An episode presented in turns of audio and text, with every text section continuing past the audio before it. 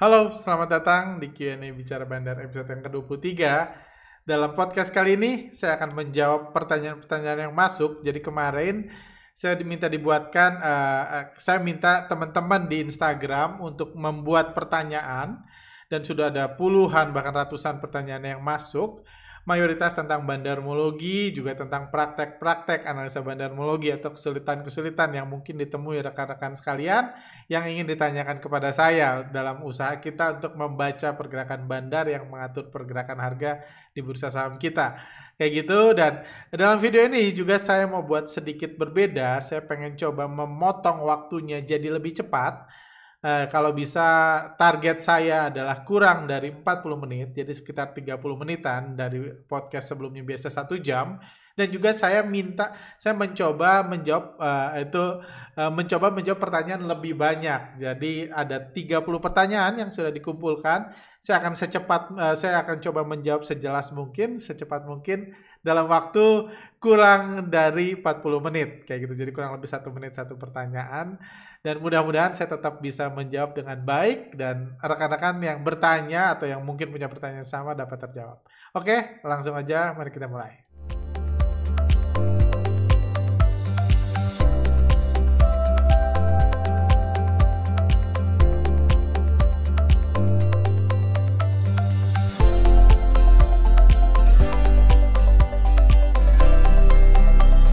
Oke, langsung aja. Uh, dari Pak Ferlin Muhammad. Bu Fer, uh, Pak Ferlin Muhammad. Saya awam teman-teman. Pak Arga selalu bilang stok market 2.0 bandarnya bebas dalam kondisi apa pun. Apakah yang membuat bandar tidak bebas pada zaman dulu? Uh, uh, terima kasih. Hmm, bandar dari dulu bebas. Cuman dulu bandar itu menggunakan uh, ekonomi sebagai alasan menggoreng saham, menggunakan hal-hal positif yang terjadi perusahaan secara teori ekonomi untuk uh, memancing orang membeli saham tersebut. Misalnya nih, perusahaan minggu depan mau rilis laporan keuangan uh, dan kinerjanya bagus. Minggu depan akan dikasih tahu bahwa untungnya besar bulan depan.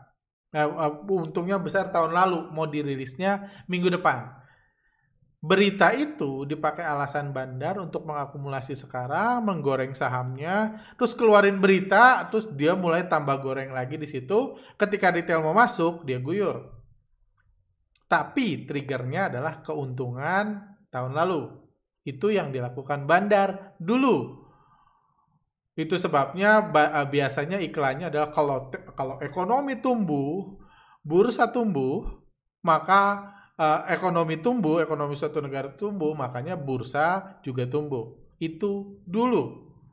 Cuma di era dan uh, dan juga orang semakin tertarik di karena edukasinya seperti itu, bahkan ada profesi yang namanya komentator saham yang tugasnya bahkan profesinya sertifikatnya untuk menghubung-hubungkan apa yang dilakukan bandar dengan kondisi ekonomi. Cuma di masa pandemik di era stock market 2.0 sudah nggak dipakai lagi itu analisa fundamental alasan-alasan itu sudah nggak dipakai lagi. Sekarang bandar bebas. Goreng apa aja ini dan itu juga didorong oleh meningkatnya para influ, uh, uh, trader-trader 25 tahun ke bawah yang saat ini nomor jumlahnya paling banyak di bursa, generasi FOMO, generasi busuk investing dan lain-lain yang memang sudah nggak peduli lagi sama fundamental-fundamentalan apalagi yang masuk ke masa pandemi. Karena pada akhirnya di masa pandemik walaupun ekonomi runtuh, Walaupun uh, saham-saham kinerjanya memburuk, tapi orang malah berburu saham tanpa butuh ekonomi yang bagus kemarin. Nah, seperti itu. Kenapa berburu saham? Karena nggak punya pilihan lain. Jadi masa eh, karena ketika orang berebut beli saham, masa nggak digoreng sama bandarnya? Ketika bandar uh, punya perusahaan yang mau bangkrut dalam waktu mungkin enam bulan lagi, kalau nggak ada perubahan bakal bangkrut, masa nggak digoreng sahamnya dijual ke retail? Jadi peluang begitu besar, uang yang masuk begitu banyak, itu yang dimanfaatkan. Dan karena ekonomi, kondisi perusahaan jadi halangan, itunya diputus. Seperti itu. Oke, udah 4 menit. Saya kabut lagi. Uh, Pak, harga apakah ada kasus saham delisting karena naik terus secara tidak wajar? Nggak ada, seingat saya nggak ada perusahaan yang digoreng terus, naik terus, dan delisting dalam kondisi kenaikan nggak ada ada yang habis uh, digoreng hancur terus delisting ada. Tapi biasanya hancur dulu. Karena saham yang akan delisting biasanya adalah saham yang sudah dikuasai retail. Sehingga perusahaan pengendali, pemiliknya udah nggak peduli lagi, ngapain lagi gue urus. Ngapain lagi keluarin laporan keuangan, ngapain lagi bayar uh, fee bursa dan lain-lain, karena toh udah punya publik, publik dong yang bayar, publik dong yang ngurus. Karena kayak gitu biasa di listing. Kayak gitu, karena sudah diserahkan ke kita-kita para investor retail kayak gitu. Jadi nggak ada yang naik terus menerus dan delisting. Biasa delisting itu setelah hancur, setelah gocap, setelah disuspend berbulan-bulan. Karena umumnya delisting itu karena disuspend. Disuspend karena nggak bayar uh, fee bursa, nggak bayar itu, nggak keluarin laporan keuangan seperti itu. Itu sih. Cuma ada kasus menarik beberapa tahun lalu ada perusahaan yang mau delisting dan harga sahamnya naik terus. Jadi dibilang dulu mau delisting karena dia mau go private itu perusahaan Aqua menjelang dia delisting. Setelah ada pengumuman mau bakal delisting karena mau go private harga sahamnya terus digoreng karena setelah itu mau tender offer. Retail-retail yang mau masih pegang sama Aqua mau dibeli semua sama perusahaan intinya karena mereka nggak mau lagi bisnis kuliner di bursa. Seperti itu. Lanjut kalau investor retail walaupun kebanyakan nyangkut nggak masalah Kang. Yang penting gaya gengsi serasa sultan punya bisnis jual beli saham. Setuju. Kondisinya seperti itu sekarang. Itu bukan pertanyaan. Lanjut. Pak, uh, saya udah lama mengikut CTS. Saya tertarik sama cara Bapak meriset market. Saya usul CTS membuka kelas riset market. Karena kita tahu market itu dinamis, selalu berubah apalagi di era stock market 2.0 ini. Dan menurut saya riset memberikan porsi yang besar dalam kita trading Hmm, saya sih happy-happy aja sih, cuma saya nggak yakin peminatnya banyak dan sering kali ya masalah juga kalau saya yang menjual workshop yang mengajarkan riset, bukan menampilkan hasil riset, eh, ya saya rasa banyak yang, karena nggak semua riset bisa dilakukan dengan data yang mudah didapat. Ada data yang sulit didapat. Ada data yang butuh koneksi untuk mendapatkannya. Jadi nggak istilah bahannya nggak walaupun riset itu kayak buat kue gitu bahannya nggak semua mudah didapat. Kompornya beda-beda nih yang dibutuhkan. Jadi harus sangat spesifik kayak gitu. Cuma ya mungkin ya tapi kalau peminat riset banyak sih saya lebih prefer bagi-bagi project buat project bersama antara para investor retail dengan kita-kita bagi project untuk belajar bersama. Karena masalah lain dari riset yang membuat sangat-sangat-sangat sedikit pelaku pasar di Indonesia yang melakukan riset, biasanya cuma ngubung-ngubungin, nebak-nebak. Riset itu sangat sedikit. Bahkan yang mengaku ngajar bandarmologi pun biasa nggak riset, dia cuma nyontek doang dari konten kami, dikembangkan, dibumbuin kayak gitu. Kenapa kayak gitu? Karena riset itu nggak selalu menghasilkan sesuatu bisa ke mayoritas dari riset yang kami lakukan hasilnya satu. Nggak guna atau iya hasilnya satu. Nggak guna nggak ada gunanya. Nggak usah dilanjut. Mayoritas riset kami kayak gitu. Atau di tengah data wah kurang data data ini nggak bisa diambil selesai. Effort banyak biaya banyak jam kerja banyak tapi nggak ada hasil. Itu yang banyak nggak diinginkan oleh baik baik para edukator apalagi investor yang tujuannya cari untung. Karena dari, riset hasil baru setelahnya dikembangkan dikembangkan kembangkan baru ini uh, baru baru bisa digunakan buat trading. Udah itu di backtest, dicoba. Jadi panjang riset itu. Kayak gitu. Cuma kalau ada banyak yang minat riset bisa taruh di kolom komentar. Kita bisa do something tentunya nggak usah berbayar tapi ya saya bisa pikir lah something yang bisa dilakukan. Karena saya rindu ada komunitas yang meriset tentang pergerakan bandar orang-orang yang fokus mendalam dan mau berbagi. Ada yang mau sharing tapi nggak mau berbagi juga ada. Ada yang mau berbagi aja nggak mau riset jadi nyontek. Itu pun ada. Lanjut. Udah 9 menit. Uh, sebagai investor retail, kalau kita punya saham dari perusahaan yang bagus, aset dan profitnya naik, terus setiap tahun uh, aset dan profitnya naik terus setiap tahun, tapi pemiliknya nggak mau bagi dividen dan tidak ada bandar yang mau menggoreng harganya. Kalau kasusnya begitu, investor retail dapat apa ya? Serius nih, serius nanya nih bang, mohon dibahas di podcast. Investor retail dapat apa ya kalau perusahaannya bagus, berarti perusahaannya terus tumbuh, penjualannya terus naik, profitnya terus naik, ya jadi ya jadi ya perusahaannya tambah sehat, profit tambah naik, perusahaan tambah gede, aset tambah banyak, tapi pemiliknya nggak mau bagi dividen, berarti untungnya nggak bisa keluar. Untungnya ya di dalam perusahaan aja.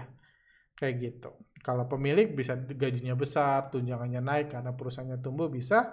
Cuma kalau retail dapat apa? Dapat dapat rasa bangga lah, punya perusahaan bagus, eh, terharu mungkin kalau yang senang lihat laporan keuangan terharu wah gila perusahaan gue bagus banget gitu wah terus bertumbuh. Wah untungnya tambah besar. Wah sesuai prediksi gue nih untungnya tumbuh lagi kayak gitu. Ya dapat rasa sukacita kayak gitu. Nggak dapat yang lain. Karena harga sahamnya nggak digoreng kan? Jadi nggak dapat apa-apa selain rasa sukacita. Lanjut. Uh, uh, Mahakarya Arta Sekuritas uh, uh, uh, di salah satu platform akan jadi retail murni atau perpanjangan bandar. Ini mungkin sebagian tahu platformnya apa menurut saya harapan saya jadi kurang lebih seperti ajaib jadi retail murni cuman kalau kita ngomong platform itu, jadi sebelumnya platform tersebut itu bekerja sama dengan satu sekuritas dan kami melakukan riset nah, pertumbuhan jumlah investor, pertumbuhan nilai transaksi, pertumbuhan pergerakan retail di sekuritas tersebut sejak bekerja sama dengan platform tersebut dan peningkatannya tidak signifikan. Tidak signifikan dan bahkan ranking dia sebagai broker retail yang itu broker itu pun nggak naik dari kan kami punya ranking loh pertama apa, kedua apa, dia nggak naik. Di situ-situ aja, before dan after kerjasama sama platform itu. Jadi kalau Mahakarya Arta Sekuritas ini mau bergabung pun, uh, jadi jadi bekerja sama dengan platform itu pun menurut saya nggak tumbuh besar sih. Itu dari pembelajaran sebelum karena ya memang ya di forum itu ya sedikit lah yang trading. Nah, gitu. Lanjut. Dengan domestik sudah uh, dengan domestik sudah menjadi penguasa IDX, akankah efek foreign flow masih valid? efek foreign flow itu pertama menjadi penguasa bukan ya, contohnya seperti ini. Kita bisa balik pertanyaannya. Selama bertahun-tahun asing menguasai bursa kita. Asing punya hak penuh untuk mengatur pergerakan IHSG sebelum era blue chip investing ya punya hak penuh karena saham-saham blue chip dikuasai mereka pertanyaannya apakah bandar lokal nggak bisa untung ya bisa untung untung di saham-saham kecil, saham-saham menengah, dan lain mayoritas saham di bursa kita meskipun IHSG dikuasai asing, dikuasai sama bandar lokal. Bandar lokal bisa tetap cuan di saham-saham mereka. Walaupun pergerakan mereka goreng-goreng segala macam nggak mengefek ke IHSG. Kalaupun, eh, balik ke pertanyaan ini, kalaupun nanti asing ini, kalaupun asing uh, kalah, saat ini kalah, kepemilikan asing itu cuman sekitar 42% sekarang di bursa dari seluruh saham yang beredar. Kalaupun asing sudah kalah, bukan berarti BCA jadi dibandarin sama lokal. Bukan berarti Astra dibandarin lokal. Bukan berarti Unilever uh, nggak dibandarin sama asing lagi, kayak gitu. Kayak gitu. Jadi hal-hal seperti itu tetap berlangsung. Jadi analisa foreign flow tetap bisa dipakai. Walaupun mungkin efeknya terhadap IHSG jadi berkurang. Kalau Anda mau memprediksi arah pergerakan IHSG, foreign flow itu kekuatannya berkurang karena IHSG gabungan dari semua. Sementara kalau saham kan masing-masing masing-masing ada bandarnya. Jadi analisa foreign flow tetap bisa dipakai walaupun mungkin eh, eh, pengaruh foreign flow terhadap IHSG jadi berkurang dua tahun terakhir ini. Walaupun kalau asing borong terus kayak gitu saham blue chip semua digoreng sama asing ya langsung naik IHSG. Seperti itu. Lanjut. Halo Parga, bagaimana pandangan Bapak terkait IHSG di akhir tahun ini? Window dressing dengan faktor faktor kondisi pandemi COVID-19 yang berangsur-angsur relatif sudah membaik, juga vaksinasi masyarakat relatif baik, ditambah info asing ya today. Terima kasih. Selain uh, asing year to date, ini nggak ngefek sih. Bahkan kalaupun ngefek itu efeknya negatif kalau ngomongnya membaik ya. Karena jangan lupa pertumbuhan IHSG saat ini ini disebabkan karena kehancuran ekonomi. Karena ekonomi lockdown bukan pemulihan ekonomi. Jadi, jadi jangan dipaksakan karena kehancuran ekonomi IHSG naik, karena pemulihan ekonomi IHSG naik lagi itu kan gak fair. Satu prinsip kayak gitu. Jadi kalau kita pakai kondisi terakhir sebenarnya pemulihan ekonomi itu bisa membuat orang nggak tertarik eh, ketertarikan orang untuk masukin duitnya ke bursa jadi berkurang kalau orang nggak mau ngeluarin uang dari tabungannya ke bursa, jadi lebih sedikit uang yang bisa diperebutkan bersama. Bandar juga lagi mikir, kalau gua goreng di atas ada yang beli nggak? Karena nggak ada duit baru nih. Nggak ada newbie baru yang ngeluarin uang dari tabungannya masukin ke bursa. Jadi pemulihan COVID itu belum tentu efeknya positif. Kayak gitu. Nah, cuma uh, inflow itu baik. Cuma kalau menurut saya window dressing akhir tahun ini window dressing yang sebenarnya terjadi biasa di dua minggu terakhir di bulan Desember. Apakah itu akan terjadi? Yes, saya yakin akan terjadi. Dan saya juga yakin IHSG akan bergerak positif. Uh, saya cukup yakin IHSG akan bergerak positif dari hari ini sampai akhir tahun masih akan bergerak naik. Dan salah satu yang paling mendukung saya adalah karena inflow asing year to date. Itu aja sih. Kalau tentang ESG tapi tentang COVID vaksin kayak gitu menurut saya nggak ini. Dan ya, hal lain juga sebenarnya kita belum tahu delta varian ini apakah sifatnya benar-benar musiman kadang bisa menyebar kadang-kadang sekarang udah rame lagi nggak menyebar. Karena yang jumlah divaksin di Indonesia itu nggak sampai 50% pun belum even di kota besar sekalipun. Seperti itu. Lanjut capek juga Pak, misalkan asing akumulasi banyak dalam beberapa minggu, apakah asing bisa jualan tanpa diketahui lewat broker lokal? Apa tetap terhitung asing jualan di broker summary? Nggak semua broker summary bisa dipisah pergerakan asing dan lokal. Kembali lagi, yang dilakukan asing itu uh, uh, uh, pergerakan investor asing itu bukan dilihat dari brokernya. Asing bisa beli pakai mandiri. Asing beli berarti F-nya beli, foreign flow-nya naik, asingnya belanja, lokalnya jual walaupun pakai mandiri, brokernya lokal. Mirai Asset itu broker asing. Philip Securitas itu broker asing, tapi isinya retail, isinya bandar lokal.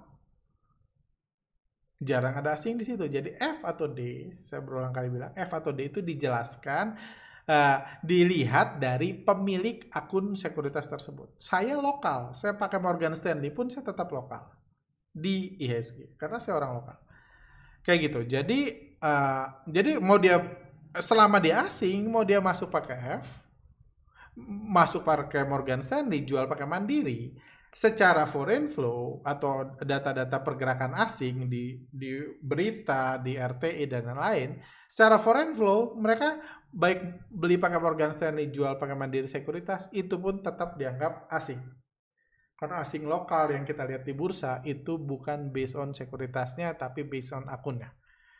Kayak gitu.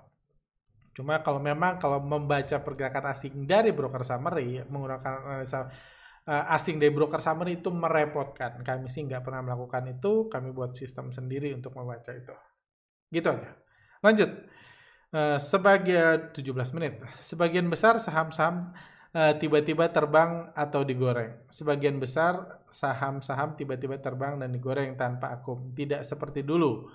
Hanya segelintir yang ada di akum. Itu pun entah kapan digorengnya. Menurut Pak Arga, tujuan strategi ini untuk apa ya? Apakah untuk mengurangi copet-copet? Yes, saya setuju. Nah, jadi sekarang itu ketika bandar akumulasi atau bahkan baru digorengnya harga eh, ketika bandar akumulasi harga langsung naik nggak kalem kayak stock market 1.0 itu biasa akumulasi dulu pelan-pelan naik dikit-dikit baru digoreng cuma sekarang banyak saham yang kenaikan pertama langsung digoreng kayak gitu apakah ini karena banyak e, copet ada kemungkinan ada kemungkinan ya saya nggak tahu ya saya rasa nggak semua bandar juga banyak copet kayak gitu cuman Salah satu hal lain yang menurut saya berdampak ini sebenarnya harus bandar langsung yang ditanya kayak gitu. Kenapa perubahan itu? Tapi ya yes, perubahannya benar saya konfirmasi.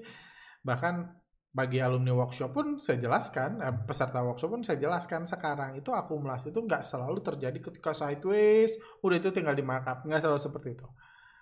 Kayak gitu memang realitanya kadang-kadang saham baru naik diakumulasi dan kita masuk aja kalau dia naik dan diakumulasi. Oh ya, alasan lain yang menurut saya bisa jadi trigger kayak gitu karena sekarang itu banyaknya uh, benar saya data Agustus menunjukkan uh, investor di bawah 25 tahun itu yang jumlahnya paling besar sekarang. Dua tahun lalu dia di peringkat sal, salah satu peringkat terbawah dari kategori umur sekarang tertinggi. Dan investor-investor generasi FOMO ini nggak takut beli saham yang sudah digoreng 20%, 30%, nggak takut. Kayak gitu. Karena dia takut naiknya 100%. Dia takut naiknya 200%. Ini baru sebulan ini baru naik 30% dikit. Generasi FOMO itulah yang tentunya sasaran paling empuk untuk diserap uangnya buat buat saku bandar dan karena market terbesar itu jadi mungkin itu juga jadi trigger perubahan kebiasaan bandar jadi Karena bandar nggak perlu takut retail takut beli nih setelah digoreng 50% karena retail dengan senang hati menukarkan uangnya dibelikan saham yang dijual bandar setelah naik 50%. Jadi nggak usah maintain-maintain, kan akumulasi di harga bawah itu lebih susah.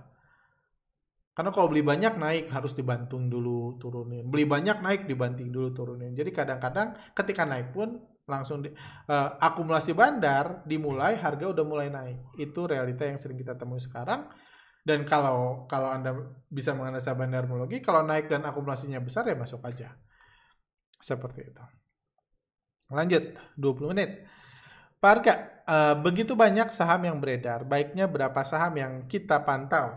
Kadang bingung di grup-grup stock pick sahamnya berubah-ubah. Apakah kita baiknya setia dengan pantauan sendiri, Hamdan newbie? Yes. Uh, siapa pun yang memberikan stock pick jauh lebih baik adalah pantau yang sendiri. Jadi menurut saya itu sebagai investor retail itu uh, challenge-nya nggak usah dua. Jadi banyak investor retail keinginannya kebanyakan. Pengen milih saham terbaik, pengen punya waktu terbaik. Ribet. Apalagi Anda mungkin nggak punya tools, nggak punya explorer, nggak punya itu Menurut saya, mendingan Anda pilih dulu sahamnya. Pilih dulu sahamnya. Ini dengan acuan dia newbie, nggak punya banyak waktu, nggak punya banyak tools ya. Pilih dulu aja sahamnya. Ini 30 saham yang Anda pantau. Ini 20 saham yang Anda pantau. Jadi sahamnya jangan dipilih lagi. Nggak usah ikut grup-grup stock pick yang uh, yang yang pamer-pamer screen cap, saham nggak jelas setiap hari dibahas jadi trending topik. Nggak usah anda fokus ke sekian puluh saham, misal 20 saham, atau kalau kalau sibuk banget 5 saham aja, Anda tinggal tentukan waktu masuknya. Jadi Anda kurangi masalah Anda, kurangi kerjaan Anda. Nggak usah milih saham ya, milih timing ya. Sahamnya pilih dulu. Udah ada tinggal 20, Anda lihat dari 20 itu mana yang layak dibeli. Anda fokus pelajari bandarnya. Anda fokus mempelajari kapan entry, kapan exit kapan lagi diakumulasi, kapan lagi distribusi. Itu fokus Anda. Di saham-saham itu. Terus gimana kalau saham lainnya naik ya bukan rezeki Anda, simpel. Kalau Anda jualan makanan, ngeliat teman Anda jualan uh, kayak jualan mobil ya jangan sirik. Ngapain? Dia dia kan jualannya mobil. Nggak usah berubah. Gue tinggalin makanan gue, gue tinggalin resto gue, gue mau jualan mobil itu lebih uh, mungkin membuat Anda bangkrut, stres karena kebanyakan tugas, daripada untuk Anda fokus saja, Anda pilih, milihnya terserah Anda. Tapi pilih di situ, jadi yang Anda cari hanya timingnya. Kayak gitu. Uh, uh, uh, halo Pak Arga, bagaimana cara mengetahui asing akumulasi atau distribusi? Akum, asing akumulasi itu artinya ketika bandar beli di lokal, asing distribusi adalah ketika bandar jualan ke lokal. Datanya banyak di sekuritas umumnya ada yang yang foreign buy dan foreign sale cari aja di kalau di HP di RTI salah satu data yang cukup bisa diandalkan foreign buy foreign sale seperti itu sih. Dan gak usah peduli transaksi di pasar nego. Nanti dijelaskan waktu habis kenapa nggak di nego. Oke. Okay. Apakah saham apakah saham-saham yang dulu berkategori blue chip masih layak dikoleksi di era stock market 2.0 atau dihindari? Saya rasa dihindari sih, dihindari sih nggak usah ya. Kenapa harus dihindari kan? Cuma memang ada ada saham-saham yang terus dibuang asing. Ada kok saham blue chip yang digoreng asing. Kan saham blue chip ini biasa digoreng asing. Ada kok yang terus diakumulasi asing itu nggak usah dihindari. Cuma kalau yang terus dibuang asing, apalagi sudah jelas nih ada sektor-sektor yang terus dikurangi kepemilikannya oleh asing, terus diserahkan ke retail, itulah yang perlu dihindari. Kalau Anda tujuannya jangka pendek. Tapi kalau Anda tujuannya jangka panjang dan Anda lihat kepemilikan asing masih besar, mereka tetap punya banyak kepentingan untuk menggoreng saham, kayak gitu bisa dikoleksi tapi nyicil. Kayak gitu. Itu yang saya jelaskan di video Unilever dan saya juga sedikit mention tentang video di Akra seperti itu. Lanjut. 24 menit. Pak Arga, mau tanya tentang membaca broker summary. Berapa uh, berapa lama rentang waktu yang harus kita cek? Satu bulan, satu tahun, atau lainnya? Karena kan harga saham terus bergerak. Kalau misalnya ambil satu bulan, terlihat brokernya distribusi. Padahal lihat satu tahun masih akumulasi. Terima kasih. Menurut saya paling lah, kalau di workshop, saya bilang paling lama satu bulan. Udah itu dipecah-pecah Kayak gitu. Dan compare juga harganya. Misalnya nih, eh, satu bulan terakhir bandarnya distribusi. Dari tanggal 1 sampai tanggal 30 bandar distribusi Anda sekarang tanggal 30. Bandarnya distribusi. Tapi dari tanggal 25 sampai tanggal 30 bandarnya akumulasi. Boleh dong, eh, boleh aja karena distribusi sebelumnya lebih besar dari akumulasi terakhir. Tapi Anda tentunya Anda bisa bisa membayangkan bahwa artinya apa? Seminggu terakhir uh, sebulan overall sebulan ini bandar distribusi. Selama tiga minggu bandar distribusi dan minggu ini mulai di buyback sama bandarnya. Berarti itu bagus dong. Apalagi kalau ketika di buyback itu harganya belum banyak naik. Kalau bisa belum naik itu juga bagus. Cuma setahun dua tahun ke belakang itu lebih bagus buat contoh kasus, buat pembelajaran daripada buat trading. Ya kalau mau silahkan, cuma nggak selalu itu berguna. Kadang-kadang terlalu banyak informasi juga bingung, terlalu banyak pertimbangan. Seminggu ini diakumulasi, tapi dua tahun lalu didistribusi. Tahun kemarin eh, cenderung gitu-gitu aja, bulan terakhir jadi pusing. Kayak gitu. Apalagi mungkin nyimpan uh, udah baru disimpan seminggu aja udah ada jual lagi anyway. Ngapain mikir dua tahun lalu bandarnya ngapain? Oh simpan seminggu aja udah dijual lagi. Lanjut. Apa cerita atau skenario yang terjadi di balik transaksi nego secara bandarmologi? Mau ceritanya bisa banyak macam-macam. Bisa bandar transfer barang ke akun lainnya kayak gitu. Bisa transfer dari asing ke lokal atau lokal ke asing, bisa atau bisa cuman uh, misalnya bisa salah satu influencer waktu itu uh, ini dia mau jadi brand ambassador salah satu konglomerasi dan uh, dia dapat jatah kayak gitu pemegang saham dan ditransfer dari dari bosnya ke influencernya ditransfer di pasar nego kayak gitu atau transaksinya di pasar nego biar bisa jauh lebih murah dari uh, harga di market ada banyak sih cerita atau uh, jadi uh, saya juga pernah, oh ya saya suka cerita di workshop bandarmologi, saya pernah dengar ada ini. Jadi banyak orang uh, menduga-duga apa yang terjadi di ini. Apa yang terjadi di pasar nego, kenapa transaksi di bawah harga, kenapa di atas harga, dan lain-lain. Beberapa waktu lalu ada saya dengar cerita ada seorang pengusaha kaya di Jakarta, dia punya istri lupa dua atau tiga kayak gitu. Dan satunya minta cerai. Satunya minta cerai dan salah satu proses bagi hartanya gosipnya nih ya saya nggak kenal orangnya. Bahkan nggak tahu namanya malah pengusahanya. Cuma gosipnya sih uh, salah satu proses bagi harta adalah mau dikasih saham dikasih saham kayak gitu cuman nggak nggak bisa ngasih aja kan proses paling gampang adalah dijual di harga murah misalnya dia punya saham seharga 1 m mau dikasih ke istri istrinya yang cerai itu bagi harta mau dikasih harga M dijual di harga 10 juta.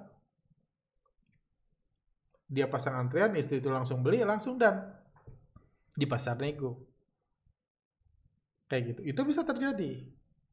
Jadi bayangkan orang yang berkecimpung dengan bandar mologi ngira ini saham harga 1000 kok dijual di harga 10 ya kayak gitu bingung berandai-andai ini masalah apa, ini strategi apa, ini lain. Anda kira itu masalah bandarmologi, padahal itu masalah rumah tangga kan. Jadi saran saya nggak usah berkecimpung di pasar nego, karena terlalu banyak informasi yang Anda nggak tahu, kecuali Anda tahu informasinya. Semua cerita itu karena tahu informasinya. Tanpa informasinya cuma transaksi aneh aja. Jadi di workshop bandarmologi pun saya ngajarin nggak usah analisa pasar nego kecuali Anda tahu berita behind the scene-nya. Kayak gitu. Bedanya bandar yang beneran jualan akhirnya harga jatuh atau bandar yang jual biar harga turun, retail panik terus naikin lagi bedanya apa ya Pak?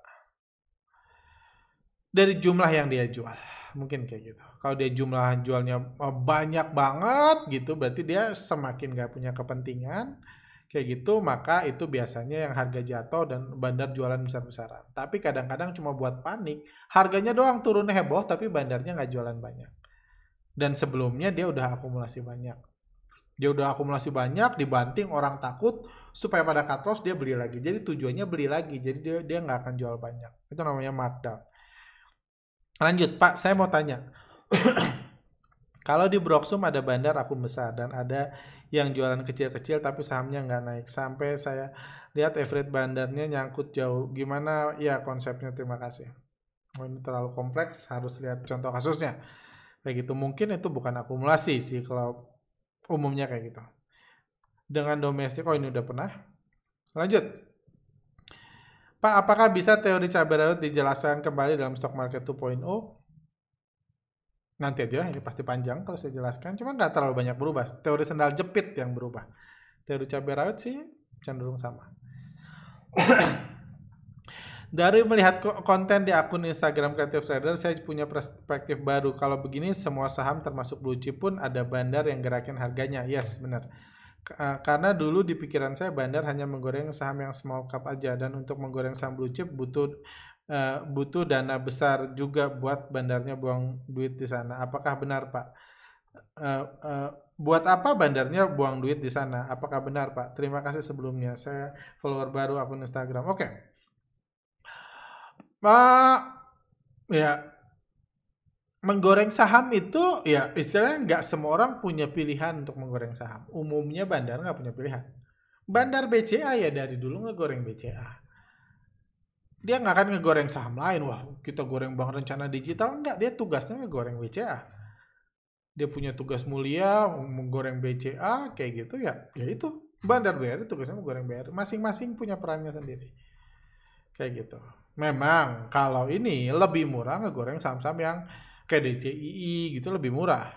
Karena yang punya dikit dan lain-lain. Cuma ya bukan berarti lebih murah ngegoreng DCI BCA jadi nggak digoreng. Nggak juga kayak gitu. Cuma memang gayanya berbeda gayanya berbeda. Ada yang kalau saham-saham gak jelas itu ngegorengnya lebih ringan, naik turunnya lebih cepat. Sementara saham-saham yang berat itu ngegorengnya lebih elegan.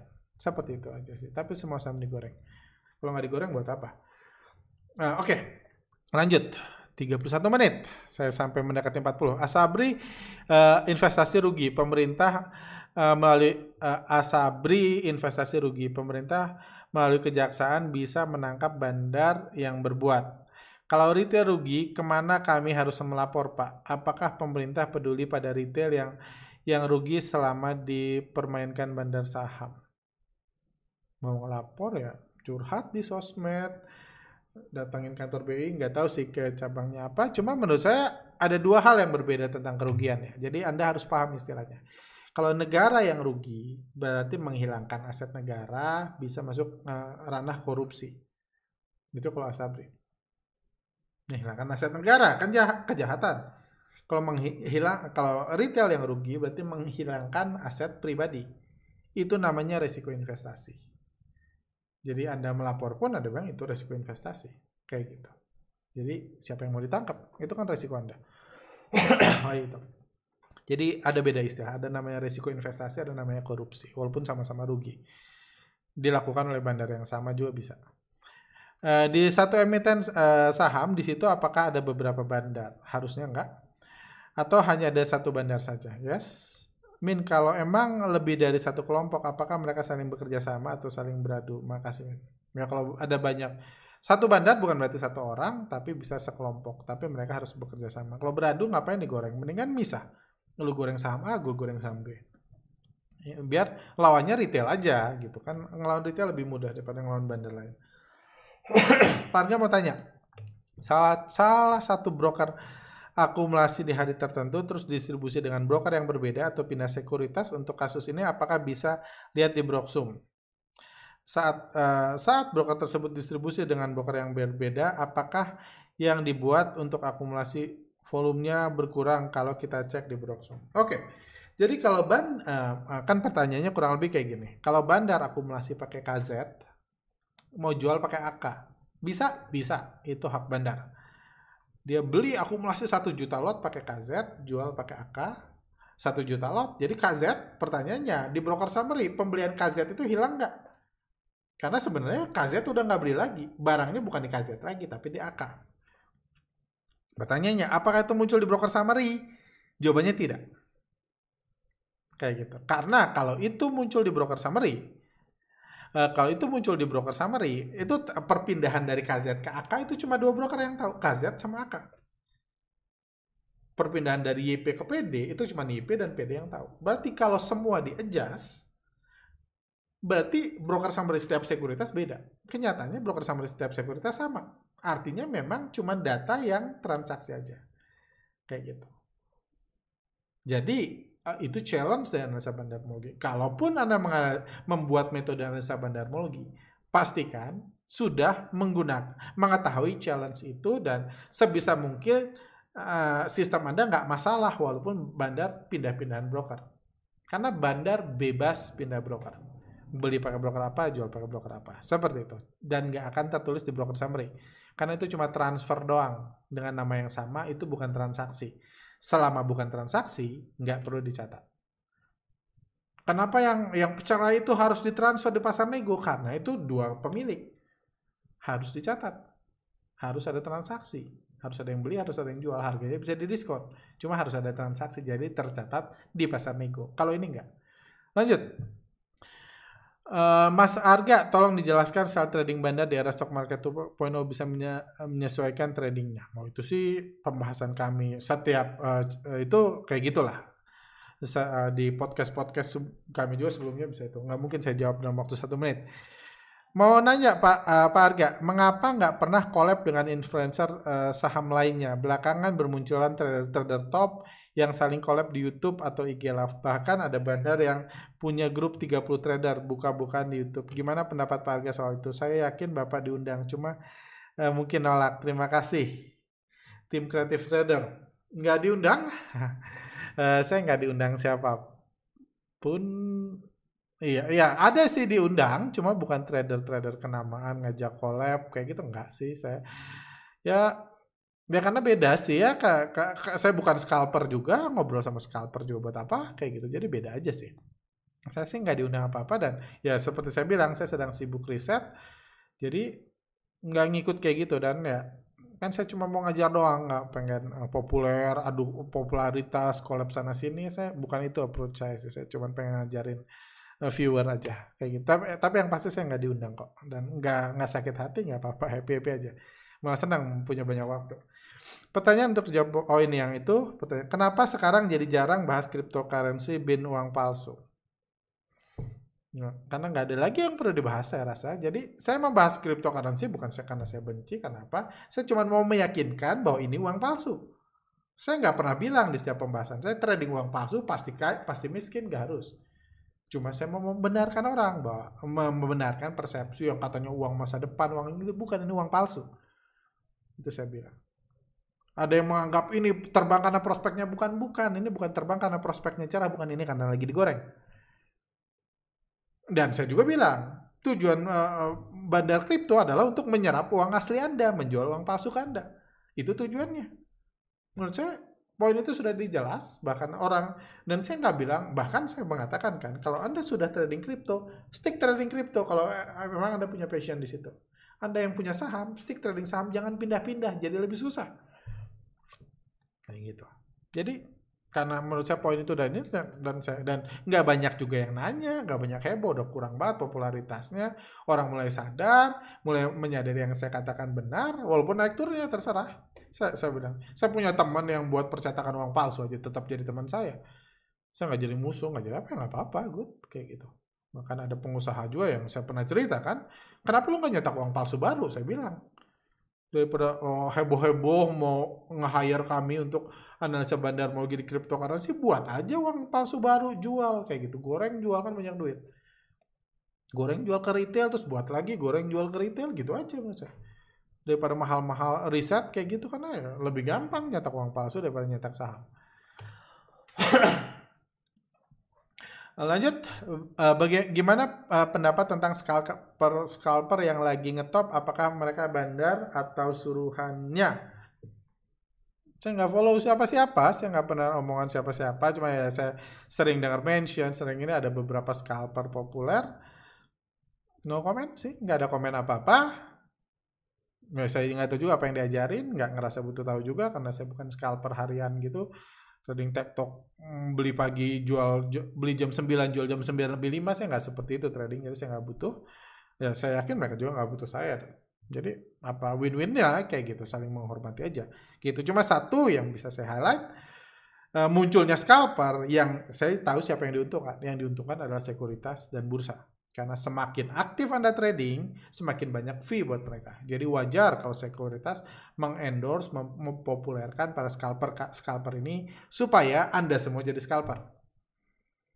Satu lagi yang menurut pandangan saya, beliau-beliau ini scalper-scalper hebat ini kita nggak aja hebat, saya nggak tahu dia bandar, suruhnya bandar, saya nggak tahu, saya nggak punya informasi untuk itu.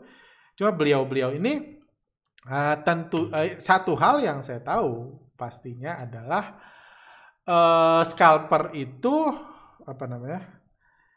Kalau dari 100 orang yang trading saham, menurut saya 100 orang yang coba dari nol trading saham bulan ini dan uh, uh, dia mau fokus jadi scalper 100 tahun uh, selama setahun, tahun depan saya nggak yakin yang sukses jadi scalper itu ada 10 aja saya nggak yakin.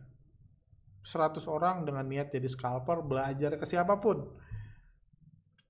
fokus jadi scalper tok tok tok trading saya nggak yakin dalam setahun ada 10 yang sukses 10 yang tetap jadi scalper saya nggak yakin.